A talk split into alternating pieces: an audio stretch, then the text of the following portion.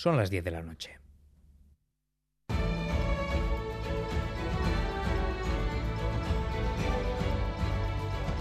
Radio Euskadi y Radio Vitoria.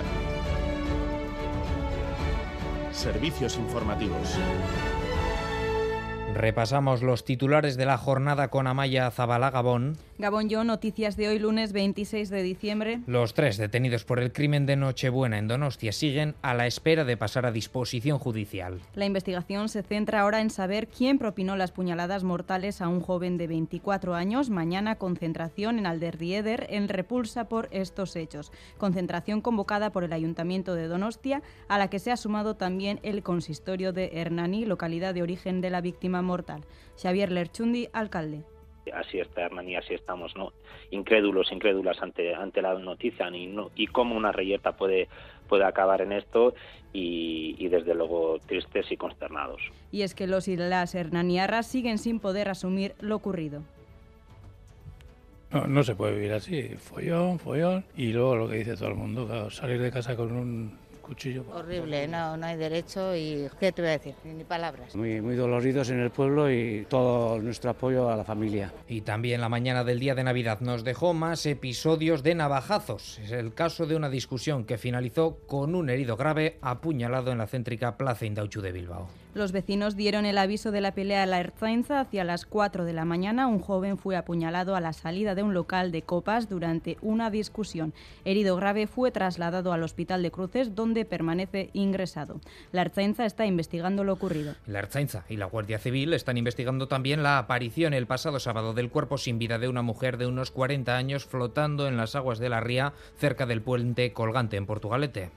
El cuerpo que fue trasladado al Instituto de Medicina Legal de Bilbao para practicarle la autopsia fue hallado sobre las 6 de la mañana. Se investigan las circunstancias en las que se han producido los hechos y todas las líneas de investigación permanecen abiertas. Y todavía en este amplio capítulo de sucesos les contamos también que en Iruña hasta 13 personas han tenido que ser trasladadas al hospital por inhalación de humo tras un aparatoso incendio. El incendio ha ocurrido hacia las 9 de la mañana en una vivienda de la travesía Monasterio de Cilveti en el barrio pamplonés de San Juan. El fuego ha provocado daños importantes en la vivienda afectada. El humo se ha extendido por el hueco de la escalera y ha afectado a varios vecinos del edificio de siete plantas. Jesús Bariain, portavoz de la Policía Municipal. El balance final de este incendio, pues las 13 personas evacuadas al Hospital Universitario de Navarra y las 28 atendidas aquí en el lugar, sobre todo por problemas respiratorios, efectivamente, inhalación de, inhalación de humo y alguna pequeña quemadura, sobre todo alguna de las moradoras en la vivienda afectada. Incendio en Iruña e incendio también hoy en Bilbao en una vivienda de la calle Epalza en el Campo Volantín. Una persona ha tenido que ser atendida por inhalación de humo tras declararse un incendio en su vivienda hacia las 2 del mediodía. El sargento de bomberos encargado de la operación nos ha dado el parte de lo ocurrido. Cocina destrozada y daños por humo en toda la vivienda y parte de la escalera. Hemos ventilado la escalera, hemos rescatado un gatito, el pobre pues ha pasado mejor vida, lo siento, y luego hemos rescatado a una persona en el piso inmediatamente superior, que lo han tenido que trasladar al hospital. Las listas de espera en Osakidetza han aumentado de manera significativa en los últimos años. Más de 115.000 pacientes están a la espera de obtener una cita con un especialista en las consultas externas de Osakidetza, mientras que 53.576, el doble que en 2019, integran las listas de espera para someterse a una prueba diagnóstica. Así se recogen los documentos e informes remitidos por el Departamento de Salud al Parlamento Vasco en respuesta a una solicitud de información registrada por Rebeca Uera, representante de H. Bildu. Y los profesionales de la OSI Donostia Aldea han retomado hoy lunes las concentraciones frente al Hospital Donostia.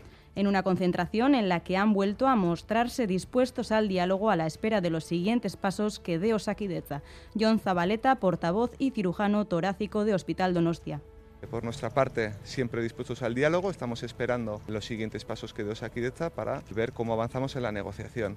Hemos recuperado la foto también para que la ciudadanía sepa que estamos aquí, que estamos luchando por lo mejor para el hospital y para Osakideza. Estamos todos muy unidos y iremos viendo día a día, según las novedades que veamos por parte de Osakideza, qué, qué rumbo toman las negociaciones. Es todo. Así terminamos más noticias en una hora y en todo momento en itv.eus y en la aplicación ITV Albisteac.